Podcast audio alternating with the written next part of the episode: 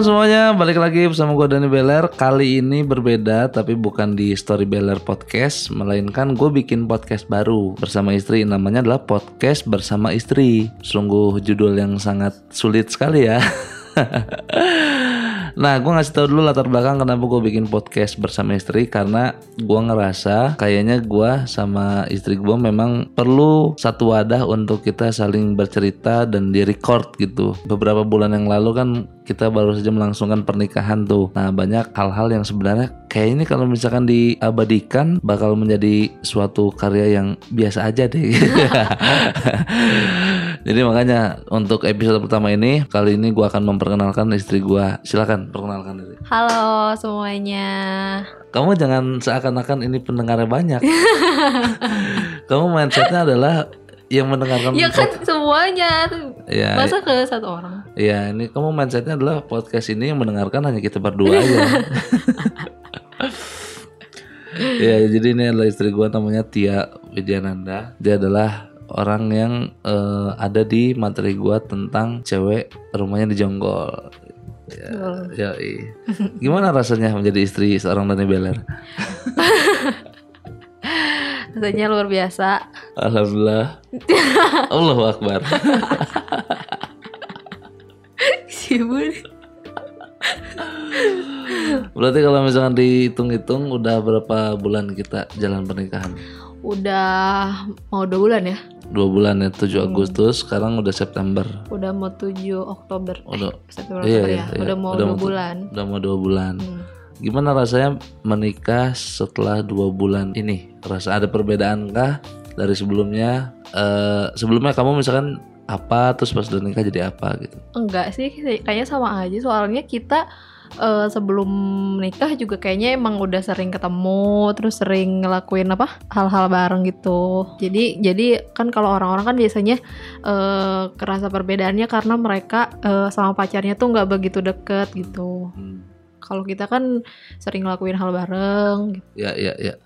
Nah, tapi eh kalau menurut kamu di umur kamu yang sekarang kemudahan nggak untuk untuk menikah gitu? Hmm, Nggak tahu ya, tapi kan aku pernah bilang kan sama kamu kalau aku dulu pengen nikah umur 22 Terus sekarang umur 24 ya aku nikah. Iya, dong. 24 ya gak apa-apa sih. Gak muda gak tua juga.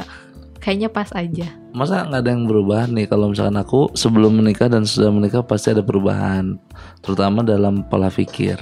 Hmm. Sekarang semenjak udah menikah ada pola pikir pola pikir yang baru aku temui dan kayaknya memang harus dipegang gitu. Apa tuh? Ya kayak misalkan sekarang udah udah nggak bisa lagi sembarangan main sembarangan nongkrong seenaknya terus punya duit foya-foya karena ada sesuatu yang harus di saving gitu ada sesuatu yang harus di dihargai dan diperjuangkan gitu jadi nggak bisa tuh aku ke klub-klub malam lagi Kayak pernah aja. Pernah waktu itu ke Holy Wings Iya. Holy Wings Kemang lagi anjay masa dari kamu nggak ada yang berubah Dari aku gak tahu ya aku belum ngerasa sih. Tapi tapi kayaknya gak ada. Cebo.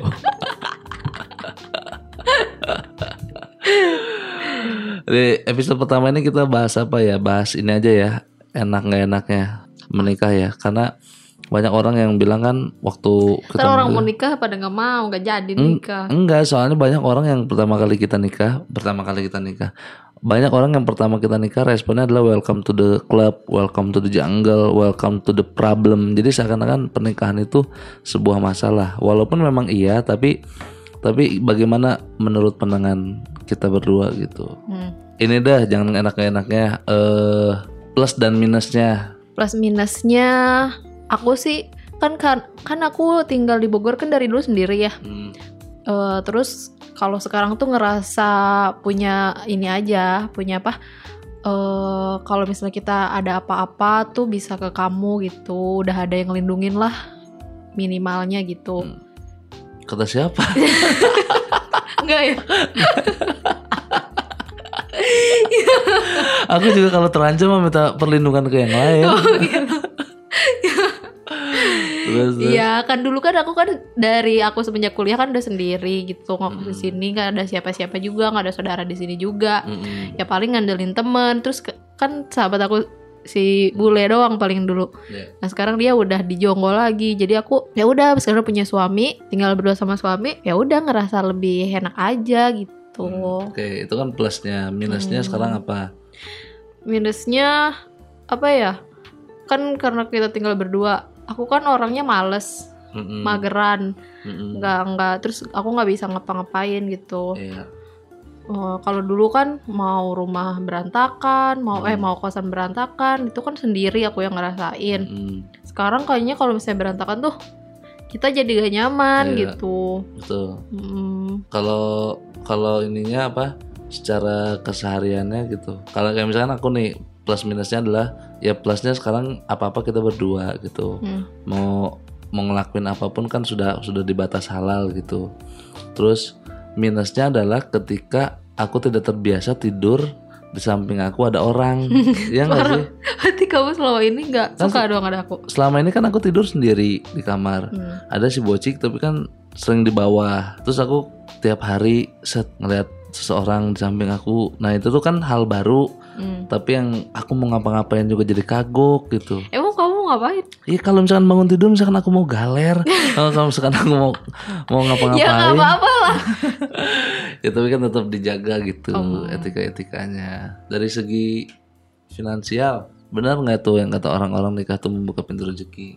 Benar nggak sih? Benar sih kalau kata aku. Kamu ngerasa gimana? Di kamu. Hmm. Oh, kamu merasa dapetin aku suatu rezeki kan? Enggak, maksudnya kan eh kalau masalah yang katanya kalau nikah itu buka pintu rezeki, aku percaya sih. Karena kan eh satu pintu rezeki berarti dibuka lagi tuh. Mm-mm. Terus aku juga ngerasa sih semenjak kita nikah kan kamu banyak tuh jobnya berdatangan. Padat, padat Anjay. parah, padat parah. Sekarang tuh udah nggak ada waktu senggang, udah nggak ada waktu untuk family time tuh nggak ada. Sombong Anda. Padahal dulu waktu dipikir-pikir ya waktu proses kita melamar, saya aku ngelamar kamu, bawain duit segala macam itu nggak gede kan nominalnya ya. Mm. Banyak orang yang terfokus di situ mungkin pengen karena kita pandemi juga kan. Karena karena ini sih kita kan emang awalnya kan itu Hmm. Januari, Januari 2022. Ya, Terus karena ada suatu apa sih kayak di aku tuh kayak adat adat adat uh-uh, itu turun di temurun ya lah. di daerah aku terus itu tuh Mm-mm. dalam satu tahun itu tuh nggak boleh ada pernikahan Iya. nggak boleh ada acara pokoknya nggak Mm-mm. boleh nah kita nyari jalan tengah tuh Betul. gimana baiknya Mm-mm. dan ternyata tahun itu akan dimulai setelah bulan Agustus, Agustus. Ya benar. setelah bulan Agustus ke September tahun itu tuh baru dimulai Mm-mm. kalau mau kita nikahnya setelah tahun itu berakhir berarti Iya. September bulan tahun 2022 kan ya ada dua pilihan sebelum Agustus ini Ya, atau, setelah September, September 2022. 2022. Kemungkinan di Oktober kalau mau Mm-mm. nikah itu. Iya, iya. Nah, terus karena kita mikirnya ya udahlah ini kan niat baik, Mm-mm. kenapa harus ditunda-tunda gitu. Ya Mm. udah. Akhirnya bismillah aja ya Mm-mm. dengan modal Seadanya niat ya. seadanya nekat. Iya, karena memang walaupun banyak cibiran-cibiran yang masuk Mm. ke kuping kita ya bahwa ya masa sih dibawain segitu, ya masa sih dari orang dari Bogor bawanya segitu.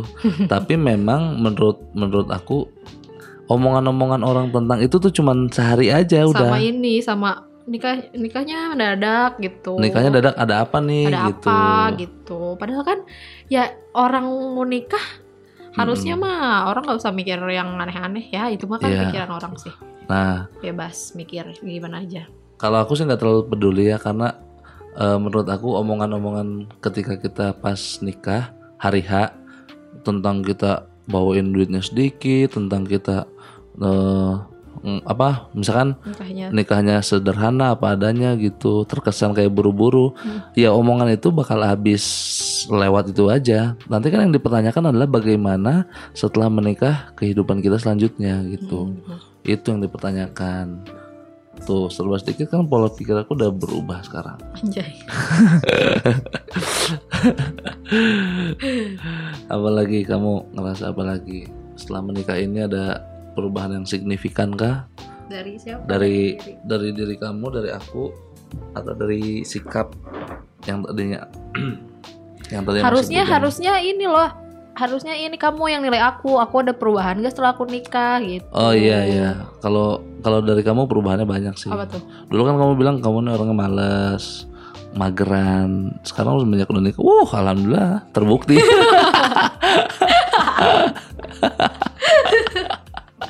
parah banget tapi kan emang aku kan dari dari dulu kan emang orangnya kayak gitu Iya. mager. Aku tuh ya emang nggak pernah ngapa-ngapain. Iya betul. Terus kerasa. Kerasa. Dan ya udah gitu. Karena memang ini sih lambat laun bahwa kita akan belajar bagaimana. Kan pernikahan tuh nggak ada ilmu pastinya. Hmm. ada orang yang bilang nikah tuh harus gini setelah berumah tangga harus A harus B harus C.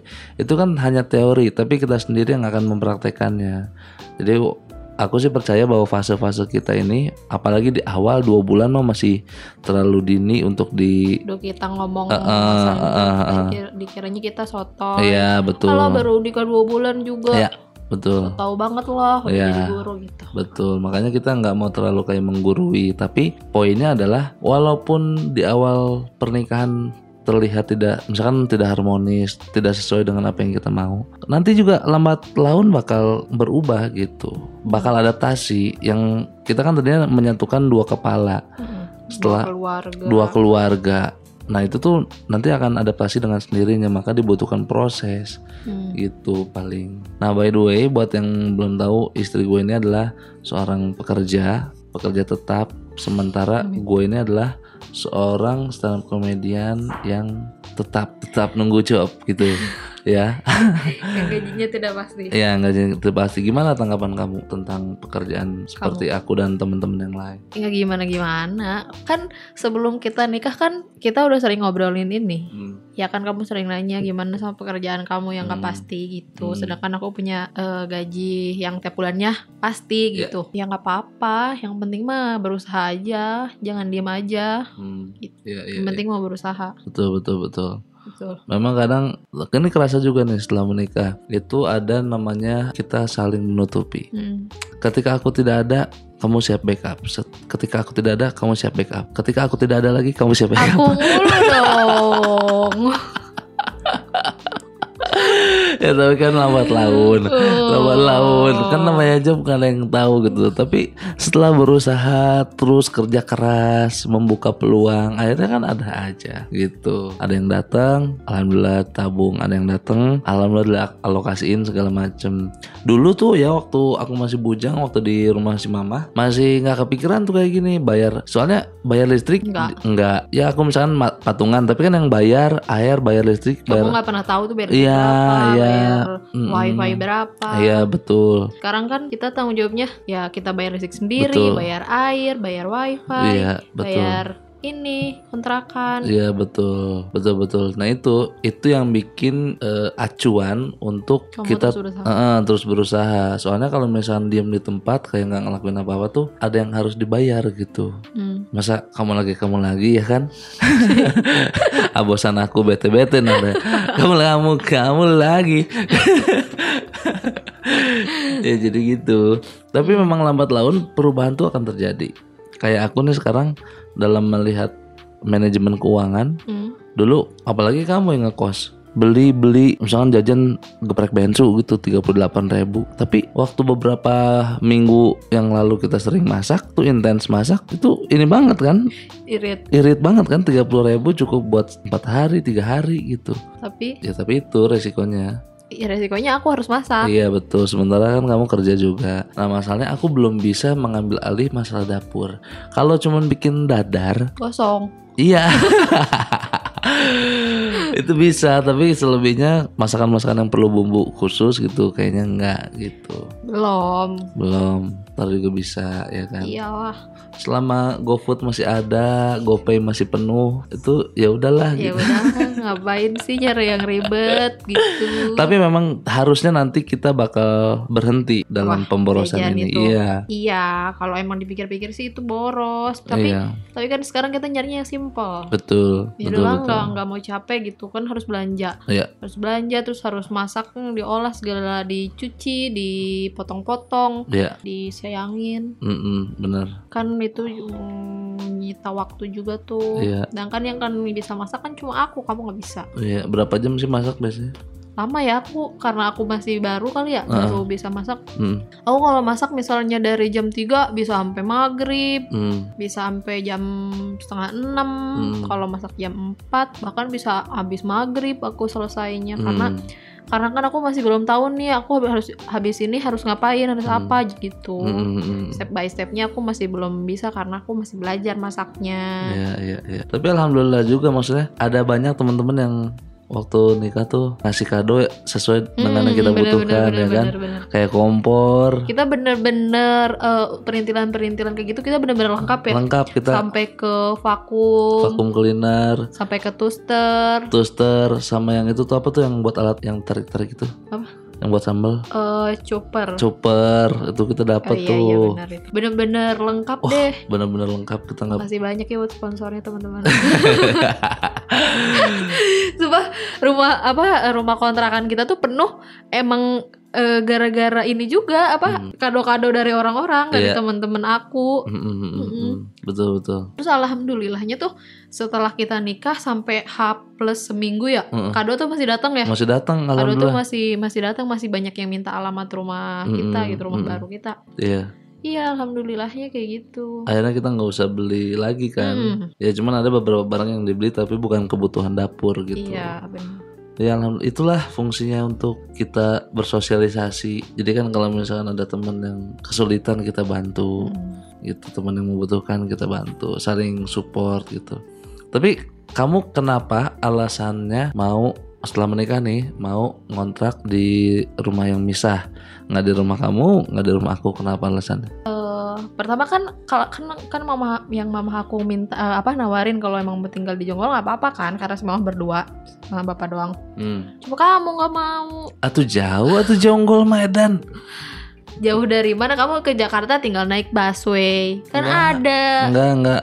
Udah Ah. paling deket tuh Bogor, stasiun Bogor ke Jakarta. Kalau dari Jonggol tuh Ada di bingung. Jonggol juga. Enggak. Nambo. Nambok Keretanya kereta datang Satu hari satu tiga hari kali. satu hari tiga kali. Iya. Uset. Nah Satu itu hari tuh tiga atau empat kali gitu. ya menurut aku di tahun ini kayaknya untuk untuk tinggal di Jonggol dengan usia kita masih produktif tuh kayaknya kurang cocok. Kecuali memang kerjaan kita di sana atau memang udah nyari tempat peristirahatan. Ya kan pilihannya gini kan eh, pilihan kita kan dari awal emang bilang kita tuh mau pisah, kita nggak mau tinggal di rumah aku di Jonggol ataupun di Ciomas kan di rumah mama kamu. Ya. Karena kita eh, dari awal tuh pengen mandiri. mm-mm. Ya tahu sendiri lah kita kalau misalnya ada apa iseng-iseng kayak pengen keluar gitu. Heeh, Sedangkan kalau misalnya kita tinggal sama orang tua kan nggak sebebas itu. betul. Nah, terus pilihannya kan tinggal di rumah aku atau di Ciomas. Di Jonggol eh, kamu nggak mau gitu karena Mm-mm. jauh ke mana-mana. Iya. Ditambah teman-teman kamu juga nggak ada di sana kan. Iya, sama sinyal juga. Iya kan? Ada karena kamu pakai tri. Iya, walaupun aku pakai tri emang gak ada sinyal di HP iya aku. kamunya nggak ada. Kalau simpati ada, semuanya ada. Karena kamu pakai tri jadinya sinyalnya jelek. Nah terus kedua eh kita eh eh opsi kedua berarti tinggal di Ciomas ya. Mas. karena pertamanya kan pasti papa masih ada ya Iya. pasti papa masih ada emang si mama kamu kan bilangnya ya udah ngontrak gitu karena di rumah emang banyakan juga Iya. terus tapi setelah si papa nggak ada mama kamu malah minta kita tinggal di sana ya Iya, betul. cuma karena kita ngerasa kalau kita udah rumah tangga kan eh, walaupun kita tinggalnya di apa di atas Mm-mm. si mama di bawah Di gitu lantai dua maksudnya. di lantai dua di kamar di atas kita misah tetap aja gitu dalam dalam satu rumah itu ada ada lebih dari Berapa kepala? berapa kepala Hmm. gitu sedangkan kita rumah tangga aja baru gitu Betul. nah ya ya udah Iya, iya. Satu-satunya kita emang harus misah gitu biar mandiri. Hmm, kalau aku sih lebih ini lebih satu mandiri yang kedua kalau kita ada masalah tuh aku nggak mau orang tua kita tahu gitu bahwa kita lagi ada masalah karena kan nanti stres juga kalau misalkan awal-awal nikah udah oh kenapa nih anak gua jadi ngambek-ngambekan gitu nah itu juga alasan kenapa kita harus kontrak walaupun ngontrak gitu ya belum punya rumah baru tapi mudah-mudahan sih nggak lama dari sini kita punya rumah baru nih. Kita udah rencana udah survei Green Lake. Rumahnya bintang rumahnya para para bintang-bintang artis lah di sana itu ada lagi nggak nih buat episode satu Udah kali. ya. udah kali ya ini ngasih ini aja tips buat teman-teman semua Gak ada tips dari tadi, mohon maaf. ini tips buat teman-teman semua yang pengen kontrak gitu kan Ada masih kosong satu lagi. Di depan kita nih Udah kayaknya itu aja deh dari kita deh Sampai ketemu di episode kedua nanti Episode kedua kita akan bahas yang lebih umum lagi dari Ada pernikahan? Biasalah Terima kasih. Itu aja yang dari eh, Itu aja yang bisa kita sampaikan Di episode pertama ini. Sampai jumpa di podcast bersama istri Episode selanjutnya. Bye.